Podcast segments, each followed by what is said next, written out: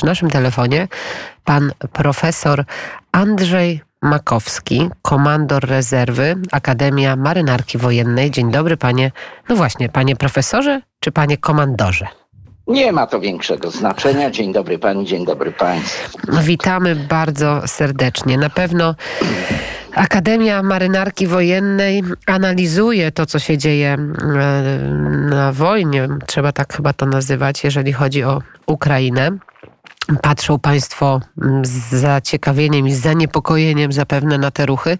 Jakie najnowsze informacje, panie komandorze, płyną do nas, jeżeli chodzi właśnie o Morze Czarne i o Morze Azowskie?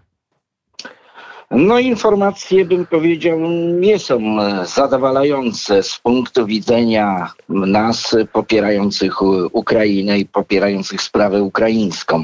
Jeżeli chodzi o Morze Azowskie, bo tutaj jest sytuacja dużo prostsza, więc e, Rosja w sposób całkowity zablokowała Morze Azowskie, jest zakaz ruchu dla wszelkich e, jednostek zarówno handlowych, jak i wojennych. Nie jest oblężenie e, Mariupola i tutaj możemy powiedzieć, że na dzień dzisiejszy jest całkowite, całkowita kontrola e, Morza Azowskiego ze strony rosyjskiej, również floty czarnomorskiej, tej części, która Morzem Azowskim się zajmuje. Także jeżeli chodzi o Morze Azowskie, tutaj zostało ono całkowicie odcięte od y, pozostałej części Morza Czarnego. Natomiast jeżeli chodzi o drugą część, czyli y, północno-zachodnie wybrzeże Morza Czarnego, czyli tutaj mamy na myśli y, odcinek od y, portu, od Mikołajewa do, do Odesy, no i do granicy rumuńskiej. No tutaj mamy do czynienia, bym powiedział, z, takim, z, takim, z takimi działaniami demonstracyjnymi bardziej. I tu z tej strony można, można oczekiwać jakiegoś desantu taktycznego. Natomiast jeżeli chodzi o wiadomości czy informacje, które, które posiadamy, no takie ogólne nazwijmy, bo one nie są zbyt szczegółowe, to w tej chwili Rosjanie wprowadzili daleką blokadę przy czym od razu tutaj e, chcę powiedzieć, że ta blokada nigdzie nie została notyfikowana ani ogłoszona, co jest, bym powiedział, no, niezgodne z e, tym, co mówi prawo międzynarodowe w przypadku e, wprowadzenia blokady. Natomiast ona faktycznie jest wykonywana, daleka blokada, czyli odcięcie portów ukraińskich od wszelkiego ruchu statków. Z drugiej strony e, mamy wiadomości, że e, również okręty marynarki wojennej w takich trzech małych zespołach znajdują się na Morzu Czarnym. No i wygląda to na razie na jakiś desant demonstracyjny. W sumie to jest 14, 14, 14 jednostek. 14 jednostek po stronie rosyjskiej, panie komandorze. Tak, tak, oczywiście 14 jednostek po stronie rosyjskiej. No i oczywiście, jeżeli chodzi jeszcze o kwestie morskie, to z morza również są prowadzone ataki rakietami manewrującymi nad cele na terenie Ukrainy. Y, także tutaj tyle, tyle wiemy. No jeszcze wracając do Morza Azowskiego, wiemy, że był też wysadzony desant taktyczny w okolicach Mariupola, ale y, niewiele wiemy więcej na ten temat, co, co, jakiej to był wielkości, kto ten desant wykonywał, ile jednostek. Dzisiaj także na naszym... Wiemy, że był. Wiemy, że był. Panie, panie profesorze, dzisiaj na naszej antenie mieliśmy korespondencję z naszym przyjacielem, kolegą, kolegą po fachu, z dziennikarzem, który jest z kolei w Wasylkowie, niedaleko Kijowa i właśnie mówił o tym, że ostrzał dzisiejszej nocy był z Morza Czarnego, czyli jest to dosyć powszechna praktyka, o której pan profesor mówi. Powiedział pan ważną rzecz, panie komandorze, o tym, że Rosjanie zablokowali ukraińskie wybrzeże Morza Czarnego, odcięli kraj od handlu morskiego. Powiedział pan, że to jest w sferze deklaracji, że to jest w sferze e, słów. My mm, na ile możemy uznać tę właśnie wiadomość za taką wiarygodną, że, że na Morzu Czarnym jednak jest ta dominacja Rosji. No tak, dominacja Rosji jest pewna. Mówię mhm. o dominacji floty czarnomorskiej. Tak, tutaj, tak. tutaj nie ma co roztrząsać tego problemu. No ale jest Odessa, Flota tak, czarnomorska która... ma całkowitą kontrolę, mhm. jeżeli chodzi o e, ten, ten, ten obszar. E, jeżeli chodzi o blokadę, to ja tutaj uzupełnię, ta blokada jest faktycznie realizowana. Natomiast nie została ona zgłoszona zgodnie z przepisami. Ja wczoraj przeglądałem nawet wiadomości żeglarskie, więc tylko mamy tam ostrzeżenia y, i do naniesienia regiony, rejony, przepraszam, gdzie są y, zagrody minowe żeby statki tam nie wchodziły ewentualnie i tak dalej. Natomiast y, nie mamy żadnej y, notyfikacji o blokadzie morskiej, która jest obowiązkiem państwa, które wprowadza. No dla przykładu, jeżeli Izrael wprowadził blokadę strefy gazy, to wszystko ogłosił tak, jak wymaga tego, że tak powiem, protokół dyplomatyczny czy przepisy międzynarodowe. Rosjanie tego nie robią, nie robią panie profesorze, jak, jak, wielu, jak wielu rzeczy podczas tej wojny wojny, podczas tego konfliktu. A to rozumiem, jak tak w praktyce wygląda w takim razie wpłynięcie teraz do, na Morze Czarne i na przykład do Odessy? No nie jest to możliwe w tej sytuacji, w jakiej, jaka, jaka w tej chwili panuje na Morzu Czarnym, dlatego że e, jeżeli nawet statek będzie, będzie statek handlowy, mówimy, będzie wszedł, zdążał do portu w Odesie, no to na pewno będzie zatrzymany poddany kontroli, zawrócony, no a nawet może zostać, że tak powiem, no, zatrzymany. Przy czym znów tutaj nic nie wiemy na temat sądów kaperskich, czy ustanowiono, bo to też powinno przy zatrzymaniu statku powinna być taka procedura. Tutaj muszę powiedzieć, że z moich obserwacji wynika, że Rosjanie traktują w tej chwili te działania, które się odbywają na morzu, tak jakby to była jakaś taka wojna wewnętrzna, nie między państwami, a po prostu taka wojna wewnętrzna e, prowadzona między zwaśnionymi stronami jednego państwa. E, tak to wygląda, jeżeli spojrzeć od strony tych przepisów, który, które wyraźnie dotyczą prowadzenia działań zbrojnych na morzu. No choćby podręcznika z Sanremo. Panie profesorze, to na dobrą sprawę Ukraina od handlu morskiego jest teraz całkowicie odcięta.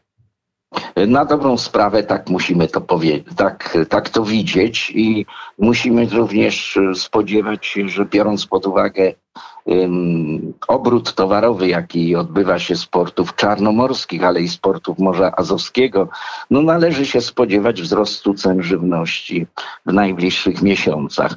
Przy okazji powiem, że, że również y, sankcje też zaczynają działać, jeżeli chodzi o porty rosyjskie, bo dzisiaj już wiadomość mamy, że ruch w portach rosyjskich wszystkich spadł o 14%. Tu na te porty Morza Azowskiego i Czarnego również nie działają rosyjskie, no, ale, ale po prostu w całości, globalnie we wszystkich portach ten, ten obrót spadł o 14%. To, I to będzie rosło i będzie na pewno odczuwalne. Będzie na pewno odczuwalne, tak jak pan powiedział, panie komandorze, bo Ukraina to jeden z największych na świecie eksporterów zarówno kukurydzy i pszenicy, nie bez powodu nazywana tak. spichlerzem Europy, 25% Euro światowych. No i olej czarno... słonecznikowy. No i olej słonecznikowy, który już jest reglamentowany w Hiszpanii, gdzie no. można kupić litr oleju bodajże dziennie, więc to na pewno będzie ograniczenie na rynkach światowych i wzrost cen. Ale jeszcze przechodząc, panie, panie komandorze, do, do tych spraw stricte wojskowych, też pojawiła się informacja, tak, z wywiadu brytyjskiego, o tym poinformował brytyjski resort obrony, że Rosja przeprowadziła już jeden desant amfibijny na Morzu Azowskim i może przeprowadzić kolejne takie operacje w najbliższych tygodniach. Co to jest desant amfibijny, panie profesorze? No to jest taka zbitka nieszczęśliwa dziennikarska, bym powiedział. Przepraszam, ale. Nie, ale to, tak dlatego to wytłumaczmy, bo. tak. Desant amfibijny oznacza tyle, że on się, że on został przeprowadzony ze środowiska wodnego. Żeby przeciętny zjadacz chleba zrozumiał. Natomiast z wojskowego punktu widzenia możemy mówić o desancie taktycznym, operacyjnym, strategicznym czy o rajdzie. Rajd polega na tym, że grupa ląduje, niszczy coś na przykład z infrastruktury krytycznej, doki, tam elektrownie, cokolwiek innego i się wycofuje. Natomiast taktyczny, operacyjny czy strategiczny, no to już zależy od skali. I, I tutaj w, tym, w, tej, w tej sytuacji również od ilości okrętów, które są zaangażowane. Natomiast jeżeli chodzi o ten desant, o którym pani wspomina, y, nie ma żadnych bliższych danych, natomiast należy uważać, że był to desant w skali taktycznej. Y, czyli po prostu wspomagający y, tych, którzy, którzy w tej chwili prowadzą oblężenie Mariupola. Rosja, jak wiemy, niektórym statkom pozwoliła opuścić e, porty. Mówię tutaj w kierunku Morza Czarnego, między innymi były to mm, statki tureckie. Ale jeszcze wracając do floty i do zasobów, to teraz Ukrainy, bo pan powiedział, panie profesorze, że Rosja i flota czarnomorska to jest e, może hegemon, duże słowo, ale na pewno bardzo e, silna, silna flota. A, a, a jak wyglądają te, te siły po stronie Ukrainy. No więc możemy zrobić tutaj, że tak powiem, rachunek sumienia. Mhm. Przy czym od razu moja taka uwaga. E, nie mówimy o hegemonie, nie mówimy o potędze. E, po prostu zasada jest taka, że porównujemy, co ma jedna strona i co ma druga strona. I na przykład, jeżeli chodzi, mówię o jednostki pływające, y, to tutaj no, po stronie Ukrainy jest bardzo, bym powiedział, mm, no, bardzo mały potencjał, dlatego że y, główny ich okręt, y, fregata Sachajdaczny, Hetman Sachajdaczny, uległa samozatopieniu. Ona przechodziła remont w Mikołajewie i 3 marca no, załoga dokonała samozatopienia, żeby, żeby nie wpadła w, rękę, w ręce przeciwnika. Y, w tej chwili w trakcie przekazywania były dwa trałowce brytyjskie, no one jeszcze, że tak powiem, nie weszły w skład floty. Y, próby przechodzi okręt rozpoznawczy ukraiński. Y, mają jeden kuter również, to jest wodolot, kuter wodolot, ale bez rakiet. On występuje jako patrolowiec. Najbardziej bym powiedział, takimi widocznymi i nowoczesnymi są kutry artyleryjskie typu Biurza M. E, tego mają Ukraińcy 7 sztuk, ale to też jest artyleria 30 mm. No i jeden kuter artyleryjski starszy z 92 roku. E, posiadali również, e, Ukraińcy otrzymali od Coast Guardu amerykańskiego cztery kutry patrolowe typu Island, no i jeden został zatopiony przez lotnictwo rosyjskie, także w tej chwili mają trzy, były cztery. Mają bardzo nowoczesne, ale dwa, podkreślam, dwa kutry desantowo-szturmowe dla takich grup wypadowych typu Centaur. No i, i w zasadzie kuter desantowy, który w stanie jest przewozić jeden czołg, jest w remoncie, jeden trałowiec redowy. Natomiast chciałbym powiedzieć coś jeszcze innego. Nie wiem, co Ukraińcy trzymają w zanadrzu i, nie, i dobrze, że nie wiem, dlatego że dość dobrze mają rozbudowaną tą strukturę lądową również wokół Odesy no bo tutaj e, Berdiańsk został mm, utracony, w Mikołajewie trwają walki, ale wokół Odesy tutaj e, znajduje się 32 Pułk Artylerii Rakietowej, który powinien być wyposażony w rakiety Ziemia-Woda, na razie nie ma żadnych sygnałów, że e, one zostały użyte. Więc e, być może tutaj jest ten taki as atutowy trzymany w rękawie. E, na temat zagród minowych też nie wiemy, kiedy zostały postawione i kto je, rozpo- kto je postawił. No również mamy tutaj również dywizjony e, przeciwlotnicze rakietowe, czy takie artyleryjskie w okręgu odeskim. E, także można powiedzieć, że, że jeżeli chodzi o takie wsparcie z lądu, gdyby Rosjanie próbowali wysadzić desant, to należy się spodziewać, że, że jednak jaka, jakaś odpowiedź będzie. No a to są, te, to są te siły po stronie ukraińskiej. A teraz, panie profesorze, siły rosyjskie? No, siły rosyjskie wyglądają w sposób następujący. Siedem okrętów podwodnych, y, przy czym te okręty są dość poza jednym, y, który jest w rezerwie, czyli sześć okrętów mamy projektu 06363. One są zdolne do właśnie mm, wykorzystania rakiet y, typu kalibr, czyli rakiet o zasięgu 2000 kilometrów, y, które, które mm, można wykorzystać do niszczenia celów w głębi Ukrainy, w zasadzie na, w ca na całym terytorium Ukrainy. Stary krążownik z 1982 roku Moskwa, no ale on też ma swoim jeszcze, jeszcze, że tak powiem, potencjał. Y, posiadają pięć fregat, z czego trzy można powiedzieć, zupełnie nowe z lat 2018-2020. Y, to jest admirał Grigoriewicz, admirał Esen, admirał Makarow. Y, posiadają trzy okręty y, patrolowe. Tutaj jeden został z nich uszkodzony. To też są nowe okręty z lat 2018-2020. Jeden właśnie udało się Ukraińcom w dość ciekawy sposób uszkodzić. Posiadają również korwety ZOP 6 sztuk y, posiadają małe okręty rakietowe 6 sztuk, y, posiadają kutry rakietowe 5, czyli to były podobne jak my, my posiadaliśmy typu hutnik, górnik. Y, dalej posiadają sześć y, trałowców y, morskich, trzy trałowce bazowe, siedem okrętów desantowych i sześć mniejszych okrętów, można powiedzieć, kutrów desantowych. Także tak wygląda w tej chwili, no można powiedzieć sumarycznie skład tej floty. Oczywiście trzeba kilka jednostek zawsze odliczyć, bo są albo w rezerwie, rezerwie, albo są w remoncie i tak dalej. No ale to tak jak no, przewaga, tak, przewaga jest, jest znacząca, przewaga znacząca. jest znacząca, panie, panie komandorze. No więc jeżeli mamy taką przewagę, jeżeli Rosjanie mają takie siły, jeżeli chodzi o e, marynarkę, to jak pan uważa, dlaczego nie decydują się, albo dlaczego tak długo zajmuje im, mimo e, deklaracji licznych, mm, właśnie mm, desant e, w Odessie, w obwodzie odeskim. To się jakoś e, nie odbywa, mimo że słyszymy cały czas o tych przygotowaniach Rosjan. Mówił innymi o tym w niedzielę wieczorem sekretarz Rady Bezpieczeństwa Narodowego i Obrony Ukrainy Oleksij Daniłow. Czekamy, czekamy i cisza. No, to tutaj może powiedzieć moja opinia jest taka.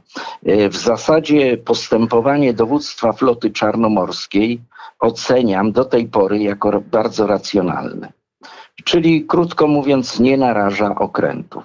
Podstawową rzeczą, jaką miała do wykonania, czy ma do wykonania flota czarnomorska, jest zablokowanie e, portów e, ukraińskich i odcięcie od łączności, mówiąc krótko, ze światem, czyli wymianą towarową i dostawami również no, wsparcia. Tutaj się nie oszukujmy, również można by było tą drogą e, wsparcie w jakiś sposób przesyłać, e, prze, przekazywać. No I w związku z tym tutaj widzę główne zadanie. Natomiast jeżeli chodzi o desant, to w zasadzie od samego początku jest mowa o tym desancie. Y, więc tutaj jest kilka elementów takich, bym powiedział, które wymagałyby nawet y, małej dyskusji. Y, po pierwsze, takie wysadzenie czy lądowanie desantu jest zawsze obarczone ryzykiem i to dość sporym ryzykiem, mimo że Rosjanie tu posiadają, y, można tak założyć, panowanie w powietrzu również. Y, więc po pierwsze jest to ryzyko. Po drugie, no, trzeba by go wysadzić we współpracy z wojskami lądowymi. I tu jest chyba główny że tak powiem, problem. Mianowicie wojska lądowe w tej chwili znajdują się 130 kilometrów od Odesy i w zasadzie nie widać postępu większego.